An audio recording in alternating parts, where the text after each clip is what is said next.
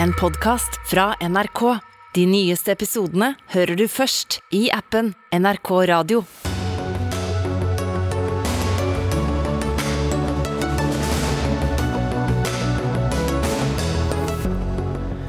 Ukraina kriger mot Russland med tungt artilleri som Norge ga bort. Hvor går grensen for, for, for hva Norge vil støtte Ukraina med? Inkassosakene øker, lånebyrden øker og boligprisene øker, mens arbeidsledigheten går ned. Finanstilsynet er svært bekymret.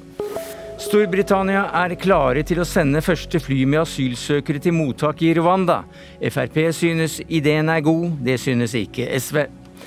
Etter en uke på rømmen ble dobbeltdrapsdømte Stig Millehaugen pågrepet i dag.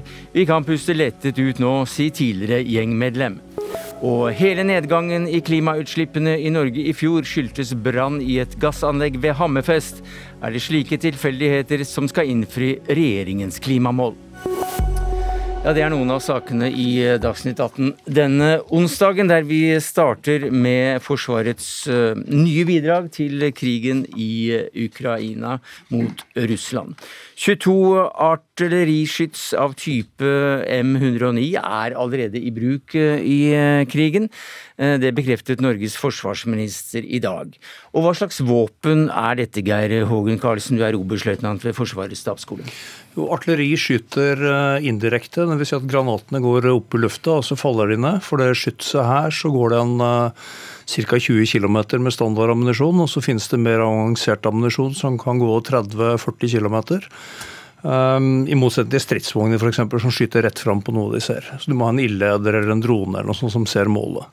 Dette er det viktigste våpensystemet som brukes i krigen. Uh, og det er helt avgjørende for Ukraina at de får uh, artilleri som aller viktigst kan skyte tilbake på det russiske artilleriet, som er den definitivt største trusselen og største tapspåføreren fra russisk side. Ja, er denne ammunisjonstypen som du sa kunne gå 30-40 km, er den med i pakka? Nei, Det vet vi ikke. og Jeg tror det er eh, standard at man ikke ønsker å gi den så detaljert informasjon. For det vil jo selvfølgelig hjelpe russisk etterretning og russiske mottiltak. Du var så vidt inne på det, men hva er dette spesielt egnet for? Nei, Du kan, eh, som jeg nevner, og som blir det mest aktuelle her, er å beskytte tilbake på russisk artilleri. Men det kan selvfølgelig også brukes indirekte mot eh, kommandoplasser og større stridsvognsavdelinger eller forsyningsinstallasjoner som man måtte finne. Men det er primært artillerikamp eh, som foregår i Ukraina nå. Ja, hva slags eh, trussel vil du si at dette norske bidraget da kan være for Russland, hvis du ser det med russiske øyne? Altså, dette er jo et substansielt bidrag for å forbedre en svakhet på ukrainsk side. Men vi er jo ikke de eneste som gir artilleri. Amerikanerne har gitt minst 90, og et, sannsynligvis et tilsvarende system på vei. Franskmenn har gitt det er andre land som gir artilleri. Eh, og dette er jo helt avgjørende for at eh, offeret kan få lov til å forsvare seg mot angriperen. Eh, Bjørn Arild Gram, eh, forsvarsminister. Du sender altså ut dette våpensystemet til Ukraina, men det har gått ut på dato for, for bruk i Norge. Hvordan henger det sammen? Ja, Norge har jo for kort tid siden modernisert sitt artilleri, anskaffa nytt. Eh, og det her vi har nå sendt, sto jo da på norsk lager. Men det betyr ikke at det er ubrukbart. Det, er, det fungerer, det er jo testa, det er gitt opplæring på det. Og det er et svært kjærkomment bidrag, sånn som jeg opplever det, til Ukrainas eh, forsvarskamp. Det, vi har jo nær dialog både med allierte og ikke minst med Ukraina om, om deres behov. Eh, og artilleri har jo stått svært høyt opp på den lista mm. over de behovene de har. Men eh, Norge vil jo at Ukraina skal vinne krigen? Ja, Det vil være svært uheldig hvis Russland nå skulle vinne fram med sin aggresjon. Eh, det er veldig viktig, og derfor så må vi stille opp for Ukrainas forsvarskamp. Men hvorfor sender da ikke du det beste du har av våpen i den sjangeren som Ukraina ber om, nemlig det nye våpensystemet som Norge skaffet seg for et par år siden, og som altså har erstattet det dere la på lager, og som dere nå gir bort? For alle land som bidrar nå og donerer, så er det jo løpende vurderinger om hva man skal bidra med, også avveininger i forhold til egen, egne behov for uh, forsvarsevne og beredskap. Uh, og Vi har jo nå da hatt uh, artilleri ledig, egentlig, da, stått på lager, som nå da er gjennomgått og sendt ned over, og som vi da kan bidra betydningsfullt til mm. Ukraina, uten at det svekker vår egen forsvarsevne. Den er òg viktig å ta vare på. Ja. Den bør styrkes framover. Men uh, vi hadde også disse våpnene inntil for to år siden, men i dag så syns vi at de er foreldet. Uh, men at det er bra nok for Ukraina, som faktisk er i krig. Hva, er det noen som kan sette spørsmålstegn ved solidariteten i en slik uh, handling? Vi, det, det donasjonene som kommer både fra Norge og fra andre land, er jo en blanding av at du tar tar kapasiteter ut fra egen beredskap, og at man bruker ting som man kanskje eh, hadde satt på lager eller var i ferd med å fase ut. Vi har jo også sendt f.eks. M72 tidligere, som, som jo da er, går direkte ut fra det det vi har inn i mm. vår operative beredskap. Så her er, det, her er det ulike vurderinger og nivå på, skal vi si, på, på donasjonene. Mm. Du nevnte M72, som jo er en, en, enklere våpenform, som ikke er så substansiell antagelig som eh, da uh, det militære ville si. Uh, nå sender vi atskillig tyngre våpen. Hvordan hvordan er dilemmaet for dere som styrer dette her, når det gjelder hvor mye vi faktisk kan hjelpe Ukraina eh, med våpen i den situasjonen eh, krigen eh, fase er i nå, i forhold til ikke å provosere Russland for mye? Altså, nå er det jo Russland som har gått til et folkerettsstridig angrep. Ukraina har rett til å forsvare seg. Vi har òg rett til å hjelpe dem med å forsvare seg.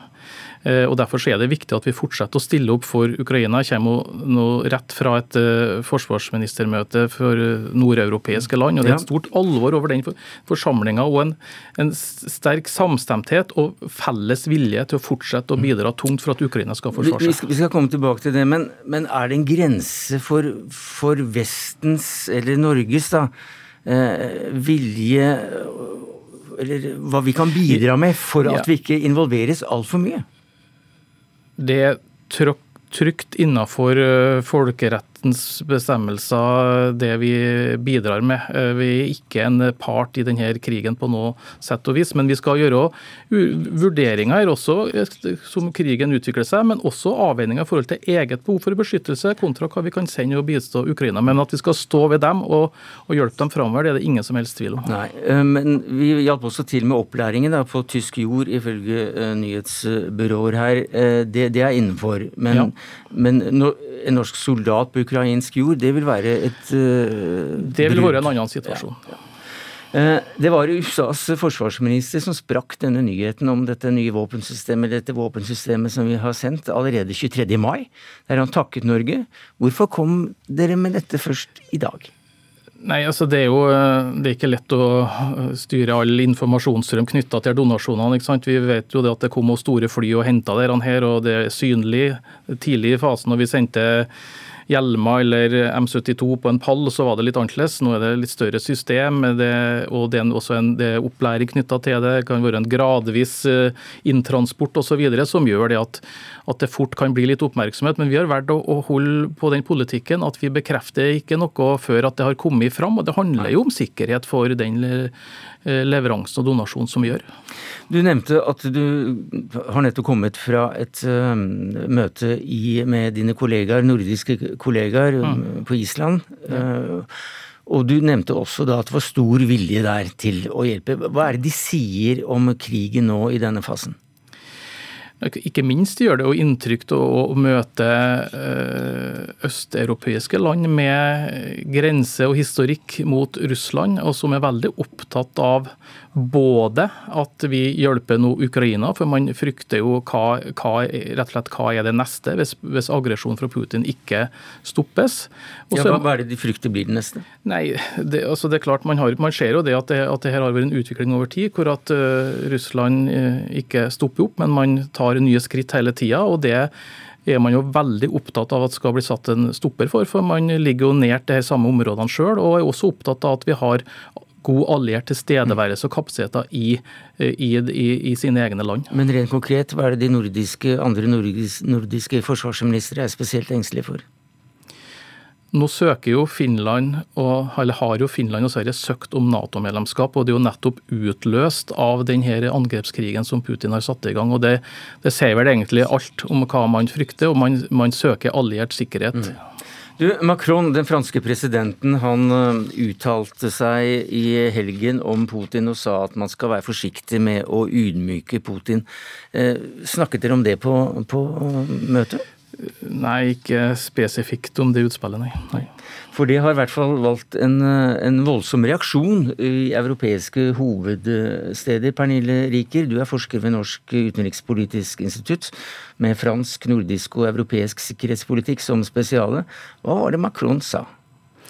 Nei, Han sa jo det at man måtte være forsiktig for at man ikke skulle komme til å ydmyke Russland. Og Det har selvfølgelig skapt eh, store reaksjoner, for her er det jo først og fremst eh, eh, Russland som er den aggressive part, har angrepet illegalt Ukraina.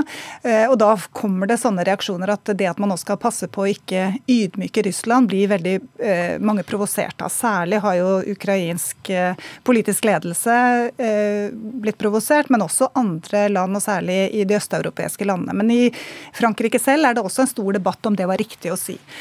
Men hvilken sammenheng er det han da sier det i? Hva slags kontekst må man forstå den uttalelsen? Nei, jeg tror jo dette her må ses litt i sammenheng med altså For det første så er det sånn at franske, presi, franske presidenter gjennom alle tider, og særlig da Macron, har kommet med en del sånne udiplomatiske uh, trekk til tider. Uh, sier ofte, kanskje snakker litt raskt før han har tenkt ordentlig gjennom hvilke reaksjoner dette kan få.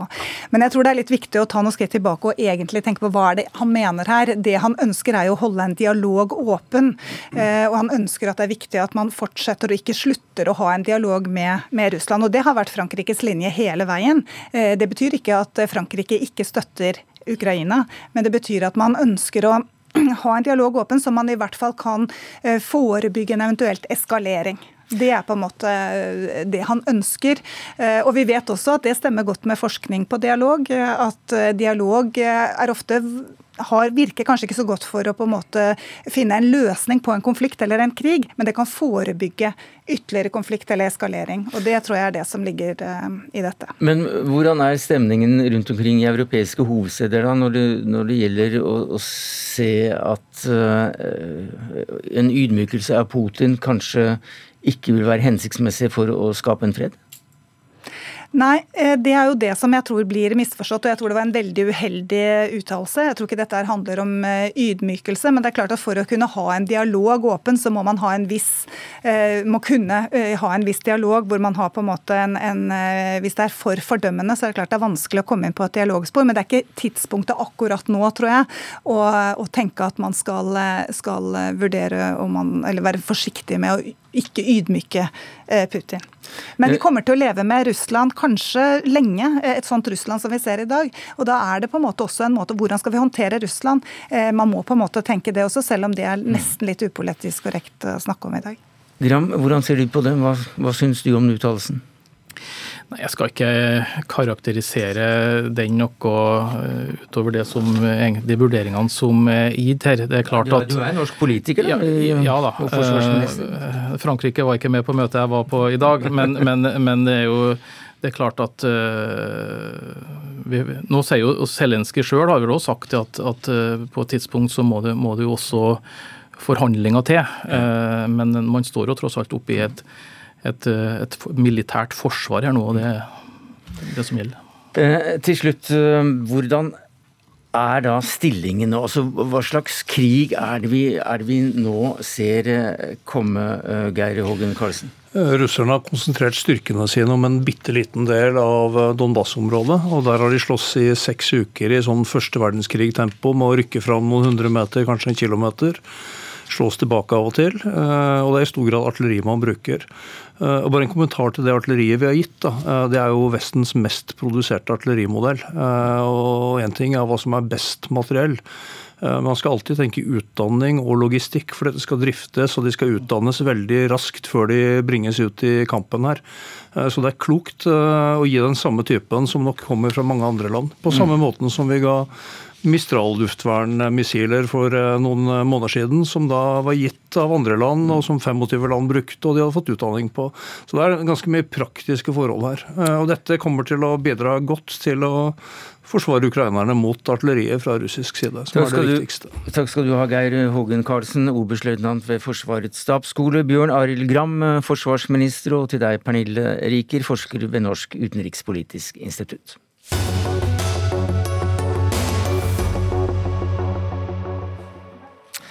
Ja, eh, Solberg-regjeringen strammet da altså inn på kravene til mottakere av eh, såkalte arbeidsavklaringspenger. Men eh, det ville Støres regjering reversere. Og Tuva Moflag, du er arbeidspolitisk talsperson og stortingsrepresentant for Arbeiderpartiet. Hva er det dere gjør? Det vi gjør er at vi fjerner det såkalte karensåret, eller venteåret, som høyreregjeringa innførte i 2018. Et karensår betyr jo at de som går på arbeidsavklaringspenger, og forhåpentligvis skal bli avklart til arbeid, at de da både mista inntektssikringa si og den oppfølginga de fikk fra Nav i et helt år før de kunne søke på nytt. Det tror vi ikke får folk tilbake i jobb. Og når folk da får den tryggheten revet eh, vekk fra seg, så uh, gjør det veldig vondt for enkeltmennesket. Det er usosialt, uh, og derfor så fjerner vi det karensåret. Men hva er det dere ønsker å oppnå for 1,5 milliarder som dette vil koste?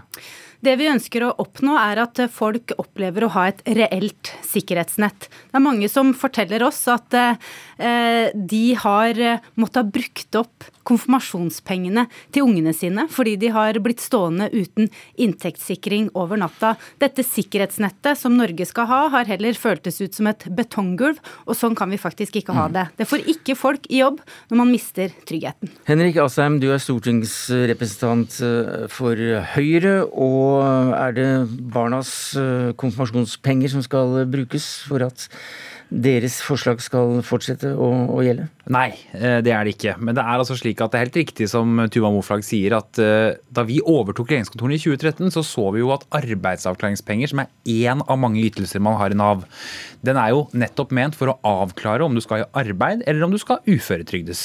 Det er en tidsbegrenset ordning. og det vi så var at Under Arbeiderpartiet så gikk folk på denne ordningen i over ti år. Flere som gjorde det. Eh, og Da er det jo ikke en midlertidig ordning for å avklare folk, da blir det en varig ordning. Og Derfor så sa vi at vi må både sørge for å stramme til på hvem som får ordningen. Det gjorde vi. Det har ikke Arbeiderpartiet reversert. Vi kuttet på antall år du kunne gå på den. Det fra fire til tre år. Det har Arbeiderpartiet ikke reversert. Det eneste de har reversert, er altså karensåret. Dette som er insentivet både til Nav og til brukeren for å bli avklart enten til uføretrygd eller til arbeid.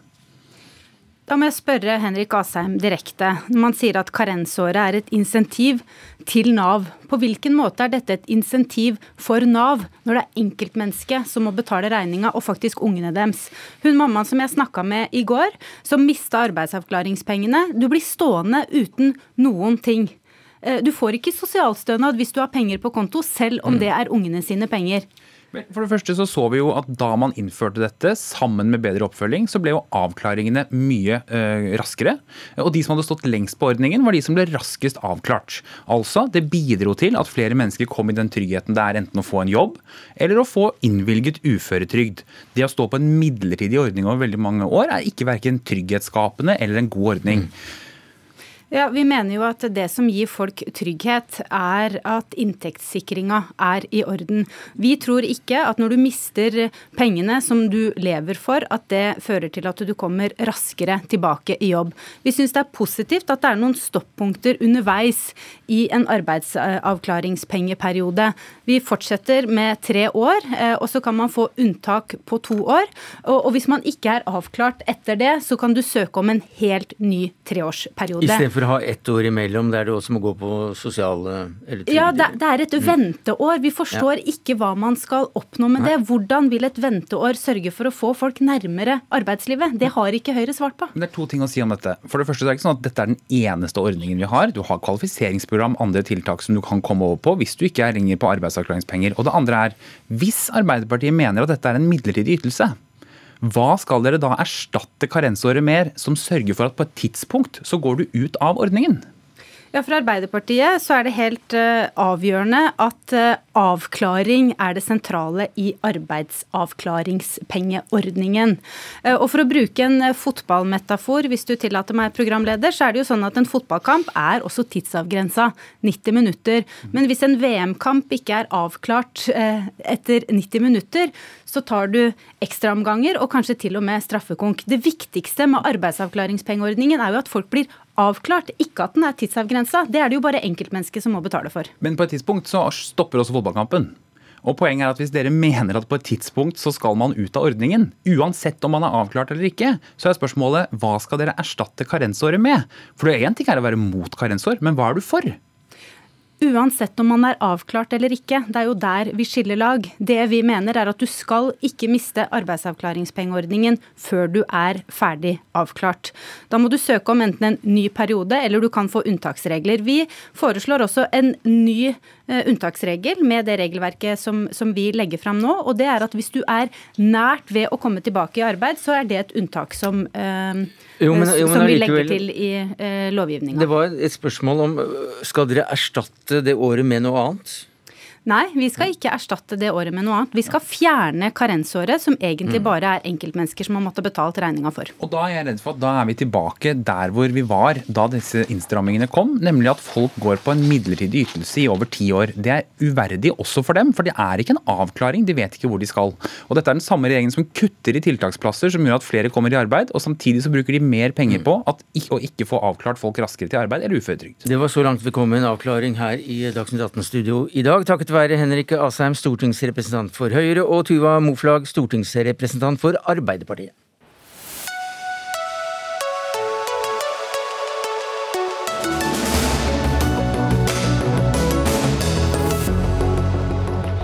Ja, I fjor så gikk klimagassutslippene ned med ca. 0,3% og Årsaken skal være en brann ved et gassanlegg med påfølgende nedstengning eh, av produksjonen ved melkeproduksjonsanlegget ved Melkeøya i, i Hammerfest. Er det slike tilfeldigheter som gjør at dere kan nå klimamålet deres, Espen Barth du er eh, klimaminister? Nei, altså dette er jo, det er bare én ting å si om dette. Dette er jo altfor dårlige tall. Altså Vi ligger langt bak der vi burde være. Og det er jo faktisk flere sektorer hvor utslippene gikk opp.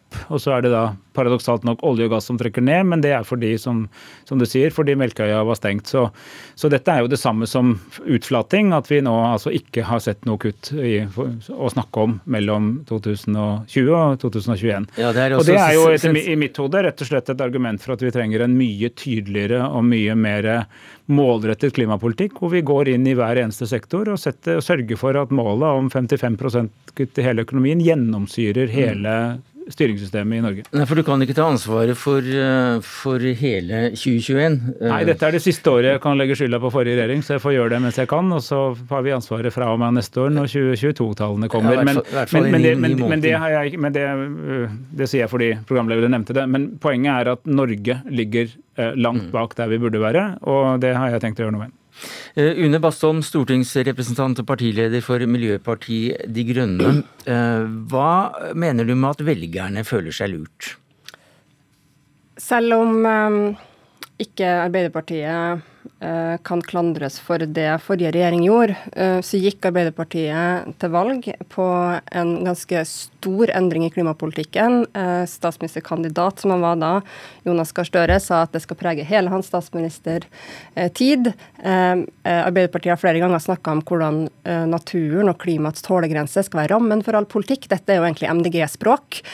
Men det de leverer, og det vi har sett til nå, det gjør meg alvorlig bekymra. Fordi Eh, de tallene vi har for i fjor, sammen med det svake ambisjonsnivået, i hvert fall tiltakene til å følge opp ambisjonsnivået som dagens regjering har, eh, det er i ordets rette forstand litt krise. Eh, hvis ord fortsatt skal ha en betydning i den politiske debatten, så må vi stikke fingeren i jorda og si at vi, vi er ikke i nærheten. Og Arbeiderpartiet har gått til valg og fått masse velgere for å rydde opp i det her. Vi er, vi og, det de levert, og det de har levert til nå av tiltak som faktisk kutter utslipp, og det er noen sektorer vi vet vi må, vi må ta for oss, det er transporten, eh, det er industrien, inkludert olje- og gassindustrien, eh, det er avfallsbransjen, det er landbruket. Uh, og alle dem uh, mm. vet vi hvilke tiltak som kutter utslipp i, men vi må begynne å se dem. Men det er jo uh, akkurat det vi nå gjør. Når det gjelder avfallsbransjen, har vi nå nettopp fått på plass karbonfangst og -lagring også på Klemetsrud og vi ønsker, altså i Oslo. Og vi ønsker at det skal også spre seg til andre avfallsforbrenningsanlegg i hele Norge, og kommer til å styre mot det, i tillegg til det karbonfangstanlegget som er under bygging i, i Brevik. Så har vi styrket Enova med 700 millioner, nettopp for å utvikle null nullutslippsteknologi i mange sektorer, både i industri og maritim sektor. Vi lanserer et eh, grønt industriløft som nettopp går på både å bygge nye næringer, men også få ned utslippene i de industriene vi allerede har, hvor du kan ha store mm. punktutslipp. Og, og vi har altså I jordbruksoppgjøret eh, har vi nå rekordhøye bevilgninger til eh, regionale miljøtiltak i landbruket mm. og, til, og en rekke andre tiltak som gjør jordbruket grønnere. Så vi tar jo tak i disse sektorene. Men, men under Baston, det er i høst når vi legger fram vår første klimaplan at vi har tenkt å vise helheten i dette. Og Den skal da komme sammen med statsbudsjettet, integrert i statsbudsjettprosessen. fordi nå skal vi inn i maskinrommet i økonomien, mm. skru på alle brytere, både de som skal skrus ned og de som skal skrus opp. For det er det vi mener med at både klima og natur skal være rammen rundt all politikk. Jeg tror det er en veldig viktig erkjennelse å gjøre i vår tid, nå eh, åtte år før vi skal nå veldig ambisiøse mål i 2030. Eh, veldig viktig erkjennelse som en klima- og miljøminister må være, er at min politikk holder ikke. Jeg må gjøre veldig mye mer, og jeg må ha med Stortinget og flertallet på jo, men, det. Jo, men du, du, hører at ministeren skal ned i, i maskinrommet og skru på ja, altså knaster og knotter der? Det jeg og... tror han mener med det, er noe som jeg eh, jo han, Espen Barth Eide vet at jeg støtter han i at vi må i tillegg til at vi må ha den overordna planen, Stortinget må vite hvordan når vi målene våre for 2030, så må det ned eh, også i statsbudsjettet år for år. og Vi må se hvordan tiltak som får bevilgninger i statsbudsjettet, bidrar til å kutte utslipp, og synliggjøring selvfølgelig der av også de tiltakene som øker utslippene. Og det er jo kanskje hovedproblemet i klimapolitikken i dag. er at der hvor man faktisk må prioritere klima opp mot noe annet, da taper framtidige generasjoner og dem som mm. allerede er fattigst i verden, og, må legge ut på flukt i dag pga. klimaendringer. Så ja, det betyr jo f.eks. Vi, vi må nesten få en ja, Breie motorveier f.eks. koster ja. masse penger. Satse de pengene på kollektiv. Helt enig. Eh, det er jo nettopp den type ting vi nå vil gjøre. fordi når vi skal måle utslipp og naturinngrep i alle beslutninger, så er det jo nettopp den type konklusjoner man trekker. Da må man regne på utslippene også fra å bygge en ny vei, sammenlignet med å oppgradere en vei man allerede har for før. Det siste vil gjennomgående har lavere utslipp. Det er å fortsette en politikk for å sørge for at personbilmarkedet etter hvert blir helt elektrifisert. Vi går inn i lette varebiler, etter hvert lastebiler, etter hvert skip og ferger, og elektrifiserer dem med tydelige støttetiltak og målsettinger der. Og vi går også inn i industrien, hvor det er et kjempepotensial for sånne store terskelkutt. Altså Et enkelt prosjekt i Brevik eh, knyttet til eh, Yara kan altså kutte 800, 800 000 tonn, som er en stor del av de 27 millionene tonn vi skal ned til 2030. Men, men, men, men Barth Eide, et, et øyeblikk, jeg må nesten avbryte, unnskyld at jeg gjør det. Men uh, Så du tror at samferdselsministeren vil gå med på å skrinlegge noen store utbygginger av firefelts veier fordi at du er nede i eh, maskinrommet og skrur på knapper? Nå har vi, For det første er dette regjeringens samlede politikk, og vi, og jobber nå bl.a. gjennom samferdselssektoren og se på, på, disse tingene. og Det er jo både i forhold til eventuelt pågående ting, men også hva vi skal gjøre i framtida. Dette vil ikke gjelde bare der, men det gjelder også i andre sektorer. Fordi vi har ikke flere vi har ikke større utslipp enn de vi kan tillate oss i forhold til det gjenværende karbonbudsjettet. Og da har vi, Når det gjelder det vi kaller ikke-kvotepliktig sektor, så har vi nå gjennom en omfattende og god klimaavtale med EU, som den forrige regjeringen foreslo, og som vi begge, altså både MDG og Arbeiderpartiet, støttet, så har vi tydelige utslippsbudsjetter år for år i den sektoren. Det vi nå skal gjøre i tillegg, som er helt nytt, er at vi skal også gå løs på kvotepliktig sektor og sette tydelige mål og knytte virkemidler til dem for å få utslippene ned også i kvotesektoren. Det mener jeg er svaret på den utfordringen som Une Bastholm og jeg er helt enige om. Hvordan, hva gjør du i praksis da, mm. når du vil mer enn halvere norske utslipp? Men det dere skal gjøre, det er altså kutte er det 55 eh, innen 2030. Det er under åtte år til. Er det noen som tror på det? Ja, MDGs ambisjon er enda høyere, og vi viser i våre alternative budsjetter hvordan vi gjør det. det Men er det realistisk?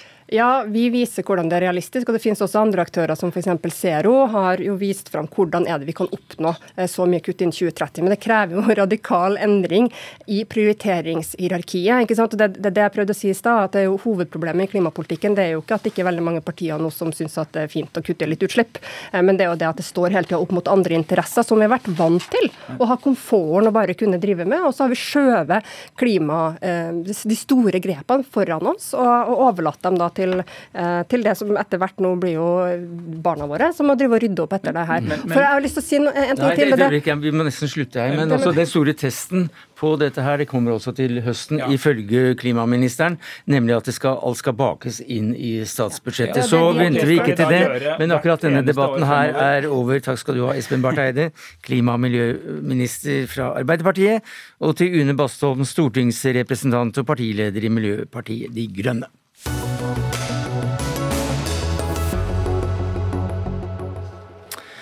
Ja, norske husholdningers gjeld. Eh, den er eh, høy. Eh, boligprisene er eh, høye.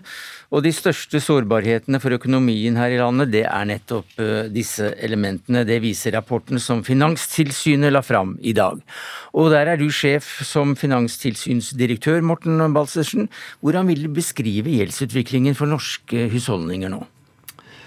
Eh, norske husholdninger har jo rekordhøy eh, gjeld, eh, både historisk sett og sammenlignet med andre land.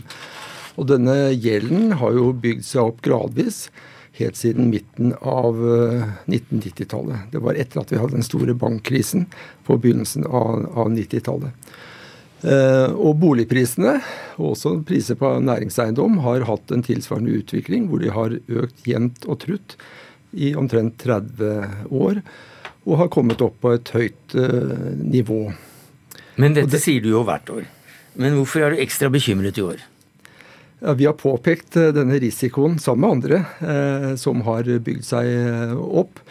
og nå peker vi jo på sårbarheten som ligger i at ved rente, en kraftig renteøkning som vi kan få dersom inflasjonen biter seg fast og det blir nødvendig for sentralbanker både i Norge og andre land å øke rentene kraftig for å sikre prisstabilitet, så eh, vil forgjeldede husholdninger, men også deler av næringslivet, eh, kunne være utsatt. Og da kan vi få utslag der mange husholdninger får problemer med å betjene lånene sine fordi de har eh, høy gjeld. Og at uh, boligprisene faller uh, betydelig. Du, ja, du kalte det et rentesjokk i dag på pressekonferansen. Ja, det er rentesjokk i den forstand at uh, rentene settes mye opp i løpet av ganske kort tid. Så mye at husholdninger, mange husholdninger ikke klarer å betale gjelda si? Det er en fare for det, i og med at mesteparten av gjelden har flytende rente. Og den hus, høye husholdningsgjelden den er også konsentrert om eh, husholdninger mm. som har høy gjeldsgrad. Elisabeth Holvik, du er sjeføkonom i Sparebank1. Altså, Norge er jo et veldig rikt land. Da. Hvorfor denne kraftige gjeldsøkningen i husholdningen? Ja, Det er jo et paradoks. Men uh, grunnen er jo at uh, når rentene har falt i 30 år, og vi har hatt store oljeinntekter som har blitt eh, brukt til å investere og øke aktiviteten i norsk økonomi.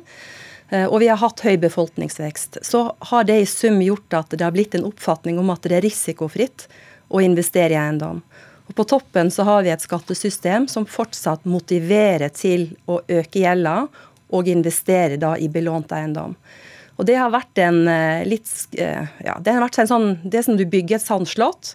For hver enkelt er det rasjonelt å øke gjelda, investere i eiendom. De som har tjent mest, er de som har tatt høyest risiko. Men på et eller annet tidspunkt så blir sandslottet ustabilt. Og hvis vi får et sjokk, sånn slik om Finanstilsynet indikerer i dag, et sjokk som er slettes ikke usannsynlig, så kan det skape en, eh, en sånn eh, bølgeeffekt av problemer i norsk økonomi. Ja, du har også et par utfordringer akkurat til eh, finanstilsynsdirektøren, som du mener ikke har vært rask nok på denne ballen?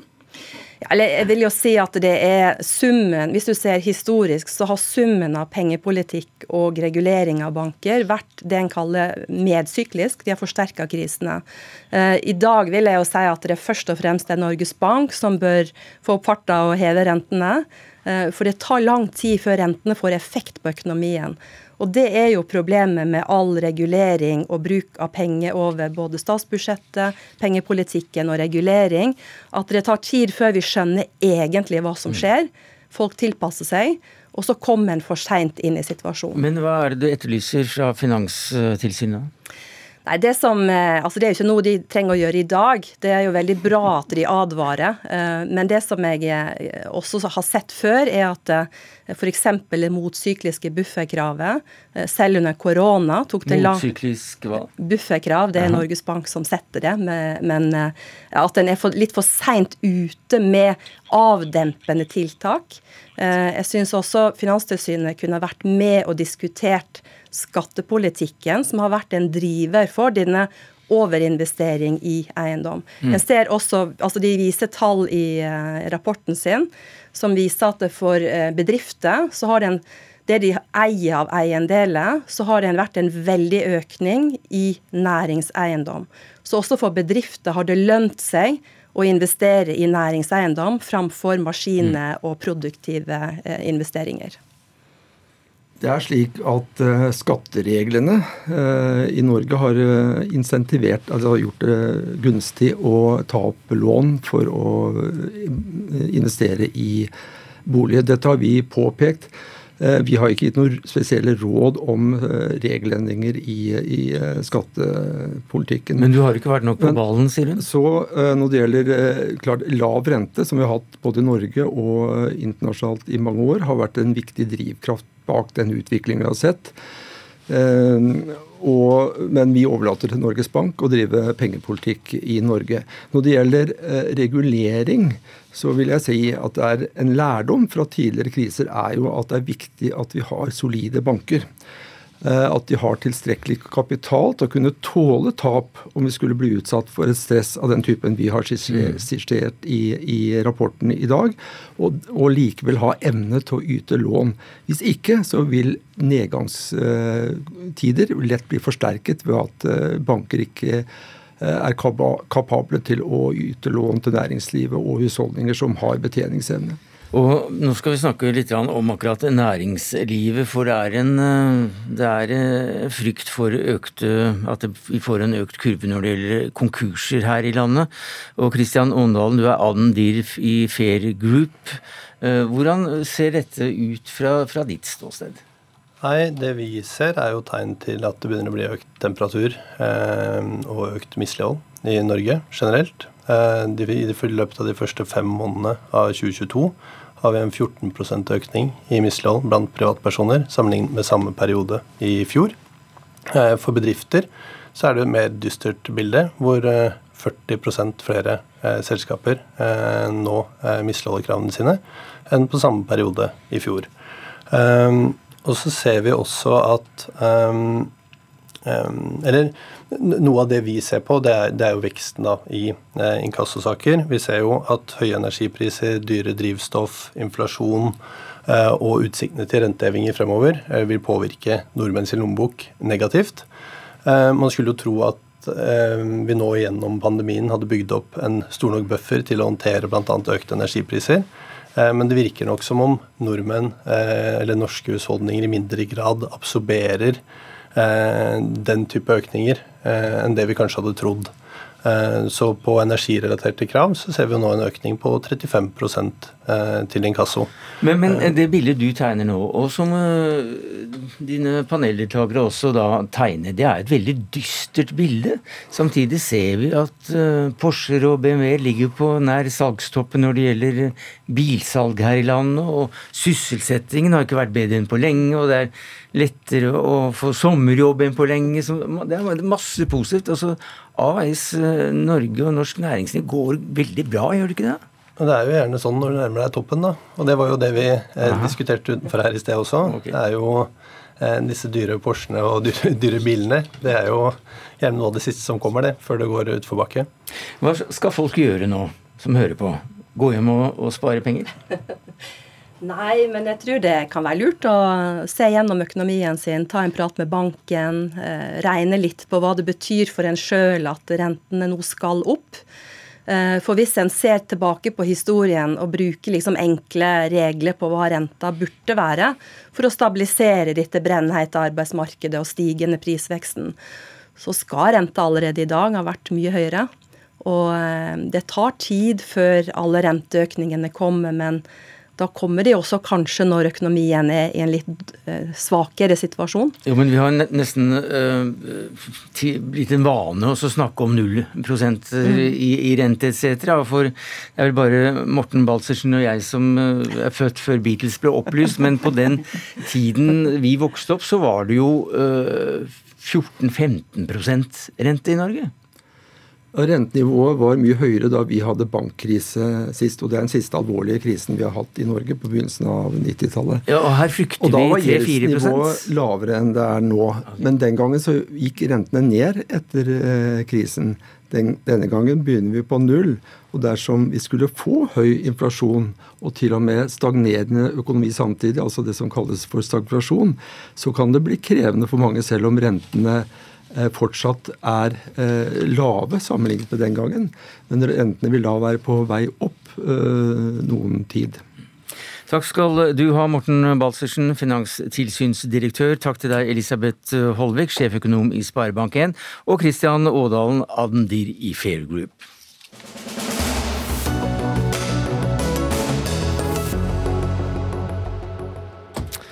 Han, eh, han har tidligere vært på, da, på rømmen i åtte måneder, drept en fengselsbetjent og en gjengleder. Han soner eh, Norges strengeste dom og ble kalt Norges farligste mann. I dag ble Stig Millehaugen pågrepet av politiet etter én uke på rømmen. Og Sverre Holm Nilsen, du er journalist her i NRK og har dekket denne saken. Hva vet du om pågripelsen? Det vi vet, er jo da etter en uke på flukt, ganske nøyaktig egentlig, så ble han da, som politiet sa i dag tidlig, observert gående på en, på en vei i Østmarka. Selve pågripelsen var da udramatisk, sier politiet, men det vi vet er jo at politiet agerte på tips som kom inn eh, i løpet av dagen i går, på at han var observert i dette området. Så det har jo pågått en ganske stor politiaksjon siden i går ettermiddag, eh, utover natta og fram til i dag, da hvor politiet har observert, og da tilfeldigvis så gikk han på nei, og da slo de til. Eh, har politiet sagt noe om eh, hva han har gjort den siste uken? Det har de ikke. Altså det, det vi vet ut ifra de bildene politiet har gitt ut, er jo at han ble sett med en stor ryggsekk eh, på Oslo S. Så ble han sett med den, den samme ryggsekken på Helsfyr. Um, og så vet vi jo da NRK får opplyst at han skal ha bodd i en slags en camp, en teltcamp ute i skogen her. Det her er en teltplass som politiet etterkant har funnet, men de har ikke villet si hvor lenge han har vært i skogen, eller hvor han har vært før han var da ble pågrepet i Østmarka. Eh, hva skjer nå med, med, denne mannen? Skal han tilbake til Trondheim fengsel? Han rømte jo da fra en permisjon fra det fengselet. Det aller første som skjer, er at han nå sitter på politihuset på Grønland i Oslo eh, til avhør. De skal i hvert fall forsøke å avhøre han i dag. Det er jo egentlig bare to forvaringsanstalter som kan ha en fange som Stig Millehaugen. Det ene er Trondheim fengsel, det andre er Ila. Trondheim fengsel har i dag sagt at han mest sannsynlig ikke skal tilbake dit. Eh, så hvor han skal sone, det er fortsatt ikke, ikke klart. da. Men han skal jo tilbake og sone ferdig resten av dommen. det er jeg ikke tvil om. Eh, hvordan jobber politiet videre med denne saken da? Det første de gjør nå, er jo da å, å prøve å få til et avhør med han nå i ettermiddag kveld på politihuset på Grønland. Politiet har jo hele tiden sagt at de ikke kan utelukke at han har hatt medhjelpere. En annen person er jo sikta i denne saken for å hjelpe til med de her flybillettene. Det kan jo også være andre, så, så, de vil nok forsøke å få Milhaugen i avhør og, og, få brakt på rene hva som egentlig har skjedd her. Det var altså i 2012 eh, at uh, Milhaugen ble dømt til 21 års forvaring, lovens strengeste straff for overlagt drap på Yonguns-lederen Mohammed Jedi Yaved.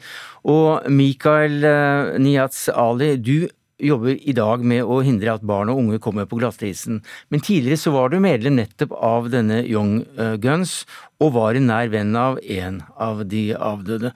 Hvordan reagerte du da du hørte at uh, Millehaugen var tatt? Jeg ble først og fremst uh, veldig lettet. Og tenkte umiddelbart på de pårørende da, som er rammet av hans handlinger. Da, de to drapene han har begått tidligere. Ja. Ja, hva slags belastning tror du at dette har da vært for de pårørende? Nei, Det at uh, det kommer bli veldig mye mediefokus, uh, og uh, bilder bl.a. fra åstedet der uh, Javet ble drept, kommer fram i mediene. Navnet hans kommer i media, nasjonal etterlysning, både nasjonal og internasjonal. Så det vekker jo veldig mye minner, vil jeg tro, for dem òg. Slik det da i en, i en, mye mindre grad gjorde også for meg, da. Men hvordan reagerte du da han faktisk uh, rømte? Nei, igjen da, så ble jeg, Når han fikk vite at han hadde rømt, så var det noe det samme. Jeg, altså, jeg ble umiddelbart uh, dratt tilbake i tid, da alt blusset litt opp igjen med i forhold til omstendighetene rundt drapet. Uh, tenkte hvor i alle dager er det han skal nå, hva er det han har planer om å gjøre, uh, type aktiviteter eh, osv. Ja. ja, for du har beskrevet han som Norges farligste mann? Ja, det stemmer. Jeg har gitt han den karakteren eh, på bakgrunn av hans to drap, da, som har vært veldig stygge drap. Uh, og eh, ikke minst også litt historikken hans tidligere, hva han er i stand til å gjøre. Åpne åpen skudd bl.a. mot polititjenestemenn, og eh, har jo rømt en rekke ganger tidligere også. Så, ja. Men pågripelsen var altså udramatisk? Ja, og det ble jeg veldig glad å høre. At det skjedde udramatisk. Det, det syns jeg var veldig fint. Mm. At han tidligere da har vært på rømmen i, i, åtte måneder, men denne gangen ble tatt etter bare en uke, hva kan det si det?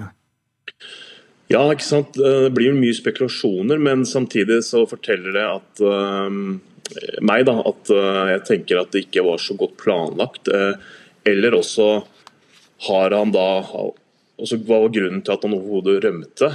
var det en impulshandling? Altså selve, selve rømningen virker jo litt planlagt med tanke på det vi har fått fram i media med bytte av sekk og billettbestilling med fly osv. Men har han har han oppnådd sin hensikt med det at han nå har vært på rømmen? Og så, hva var plan A, hva var plan B? Altså, det at han ble tatt, jeg, jeg ville jo tro at han gikk i en dekkleilighet og ville gjemme seg der over en periode, ligge lavt, uh, og så eventuelt komme seg til utlandet osv. Men, men det at han ble tatt vandrende ut i, nær en skog osv., det, det blir bare spekulasjoner fra min side. Ja.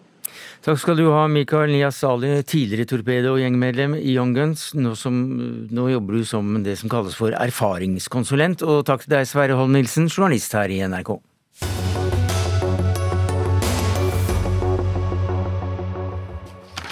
Ja, I dag ble det kjent at Storbritannia nå sender det første flyet med asylsøkere til Rwanda 14.6.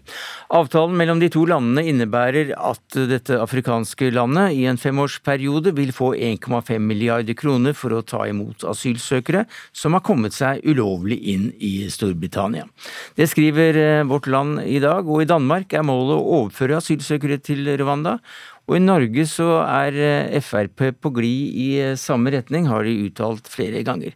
Per-Willy Amundsen, stortingsrepresentant for partiet og da eh, også leder i justiskomiteen. Hvorfor synes dere at f.eks.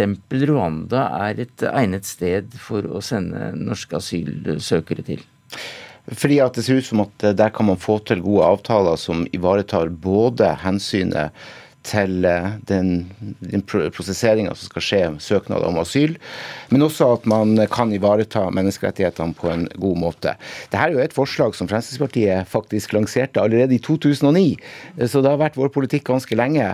Men det er klart, det vi har sett med eh, Storbritannia i dag, eh, Danmark sitt lovvedtak for et år siden, Australia som har drevet med dette over lang tid, så er det jo at nå er det på tide at Norge melder seg på. Dersom man vil, virkelig vil hjelpe de svakeste av de svake, hjelpe de som er reelle flyktninger og som ikke er eh, økonomiske migranter, eh, dersom man ønsker å ikke minst unngå alle disse eh, dødsfallene som skjer på reisen over Middelhavet, ja, så må man tenke nytt. Det har Danmark gjort.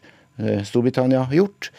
Og så bør vi ta på alvor den invitasjonen vi har fått fra Danmark, fra Mette Fredriksen, eh, og eh, ja, samarbeide med Danmark for å finne gode løsninger. Ja, Og sende dem til Rwanda, som også da Danmark eh, er veldig nær til å gjøre. Grete Wold, innvandringspolitisk talsperson i SV.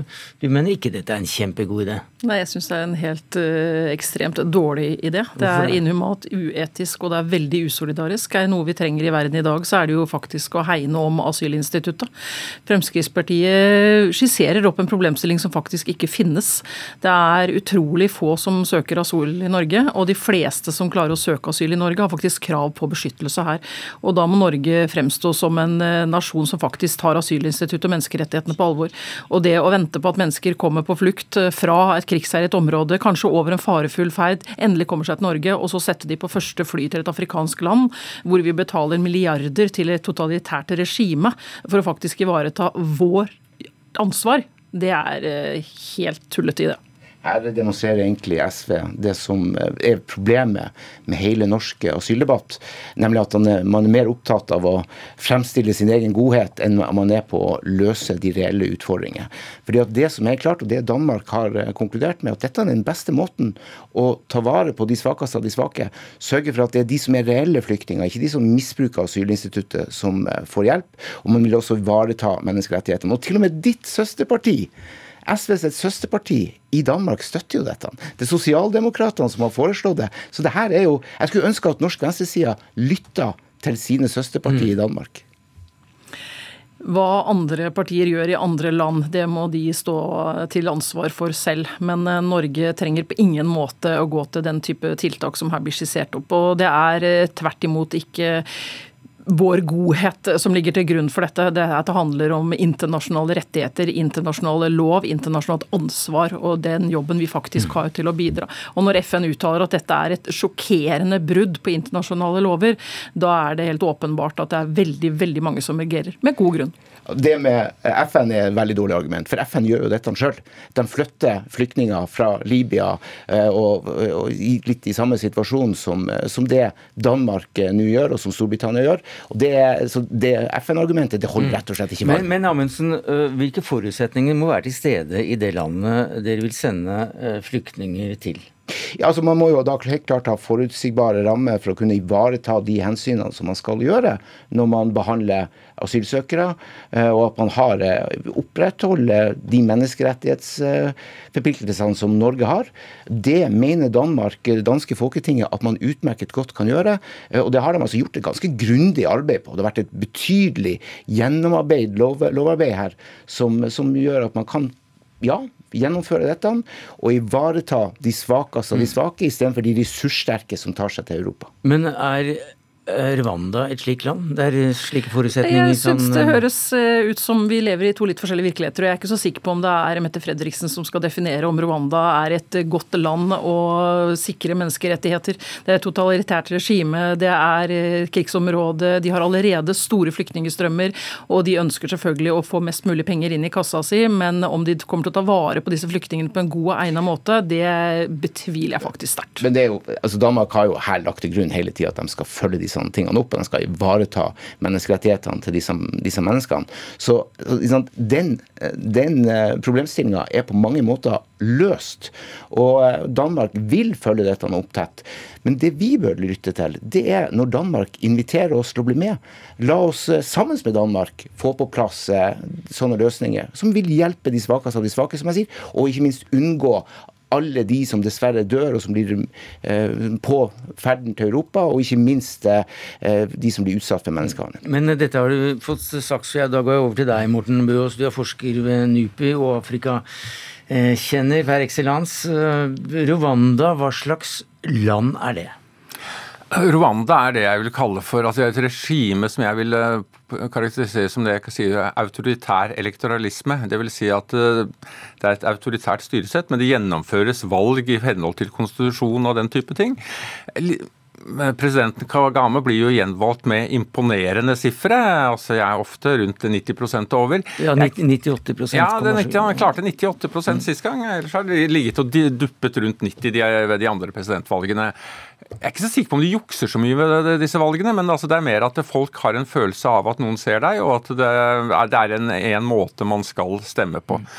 Når det er sagt, så er det klart at hvis du ser på det Rwanda var i etterkant av folkemordet i 94, så er det imponerende hva de har fått til. Altså Det er en imponerende gjenoppbygging av Rwanda. De har orden på økonomien sin. For en vanlig rwander som ikke mener noe spesielt om politikk, så er det klart at dette er ikke verdens verste afrikanske land å bo i. Men hvis du prøver å si noe politisk om f.eks. folkemordet, om andre ting, virkelig prøve å utfordre presidenten på den type ting, da ligger du tynt an. Da kan, I beste fall så havner du inn i en lang fengselsstraff, og det er, skal ikke stikke en stol at dette er et regime som har tatt livet av politiske motstandere som har flyttet ut av landet. Da iallfall så får politiske motstandere et eh, endret livsløp? Ja. Eh, hva slags begrunnelse er det Kagame kan, kan gi eh, nasjonen sin for å føre en slik politikk der han inviterer altså andre lands eh, asylsøkere hjem til ja, det er vel Afrikas tettest befolkede land? Ja, og det er klart at det, uansett hva som skjer med denne saken, så vil det være begrensa hvor, altså hvor store mengder Rwanda kan ta imot. og Det tror jeg Kagame er klar over òg. Så i hvor stor grad dette egentlig kommuniseres til befolkningen i Rwanda og, og, legitimeres på veldig stor grad, det er jeg veldig usikker på. Det, hvis han legitimerer med noe, så er det altså, altså pengestøtten og det, det, han nok vil også si, altså den politiske glansen og innflytelsen som han da ville hevde at eh, Rwanda får. Og at dette vil være nyttig for Rwanda når han nå prøver å omskape Rwanda fra en jordbruksøkonomi til et, eh, det han ser på som et eh, et high-tech servicesenter i denne delen av Afrika. Men det ligger nok også andre ting under der. Vi vet allerede at de har mottatt eh, flyktninger fra, og asylsøkere fra, mm, fra Israel. Uh, eritreere, som Israel ikke vil ha.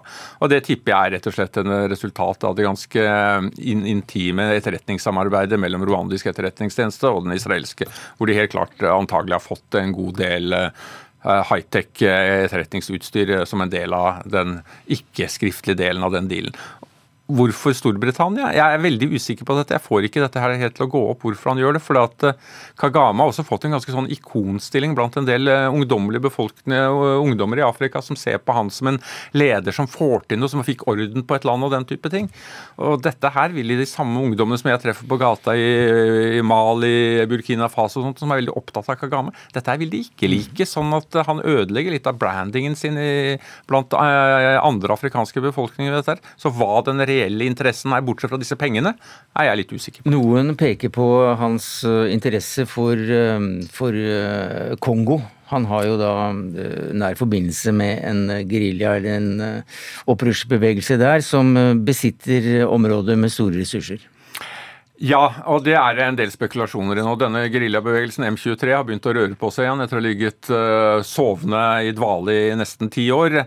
Jeg tror at det som, det, det som, skjer med M23 nå, de rører såpass mye på seg at de ville ikke gjort det uten at de har fått noen insentiver eller direktiver fra den, den politiske ledelsen i Kigali, som også er Kagame. Uh, årsaken til det har nok ikke så mye å gjøre med direkte kontrollen over naturressursene, men konkurranseforholdet med Uganda. Uganda planer om å bygge en ny vei inn i Kongo, som eh, Rwanda misliker sterkt. Men det dreier seg om penger, og skal de da kjøpe seg litt eh, politisk eh, fri, da? Ved å si at Storbritannia kan bare sende det kan jo minske iveren til noen land til å kritisere dette regimet. Det kan vi ikke stikke under stol. Men om det blir tilfellet, det vet vi ikke. Hva tror du om eh, dette da, Per-Willy Amundsen, sende flyktninger til et eh, sted der eh, politiske motstandere får endret livsløp ganske raskt? Det er jo akkurat det fundamentale her er jo at man har klare avtaler på plass. Sørge for at de personene dette vil omfatte, som blir sendt fra Norge, vil bli ivaretatt med hensyn til menneskerettighetene. Det er jo det, er det løpet både Sverige og uh, Storbritannia har lagt til grunn. Uh, så litt uavhengig av regimet og hvordan det nei, fungerer i andre nei, sammenhenger. Nei, det er ikke helt uavhengig av det. Det, det, det er et øyeblikk, unnskyld at jeg avbryter, men det var liksom akkurat det som vi avslutter med her, nemlig at det, det dreier seg nettopp ganske mye om Rwanda. Og har du tillit til at Rwanda faktisk kan uh, kan tilfredsstille betingelsene for eh, menneskerettigheter? Nei, og Det som eh, verserer her nå, det er jo en diskusjon om hvem som kan tjene på hva. og Flyktningene blir en form for en eh, avtale. Det blir økonomi, det blir en handelsavtale, det blir en asyldumping. Det blir brikker i et stort spill for at noen skal kjøpe seg enter anerkjennelse, status eller posisjoner. Det er en helt meningsløs tilnærming til et eh, flyktningeproblem. Dette handler om å verne om asylinstituttet, og at de flyktningene som kommer til Norge, de skal vi ta ansvar for selv. Og de skal vi sørge for får oppfylt sine sine menneskerettigheter etter asylinstituttet. Ikke bli en handelsvare som vi driver og skipper rundt i verden på første fly. For det første Nei, ikke første, vi har et halvt minutt igjen. De Forutsetninga er at man ivaretar menneskerettighetene. Dernest så er det altså sånn at man kan utmerket godt la, la dette løse dersom man samarbeider stat til stat, okay. og det er det vi det ber om at man gjør. Ja, Der må vi sette strek. Takk skal dere ha, Per-Willy Amundsen, Grete Wold og Morten Bøås. Det var det vi rakk i dag, takket være Dag Dørum, Ragnhild Bjørlykke, jeg heter Sverre Tom Radøy.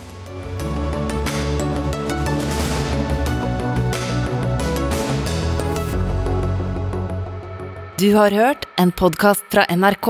De nyeste episodene og alle radiokanalene hører du i appen NRK Radio.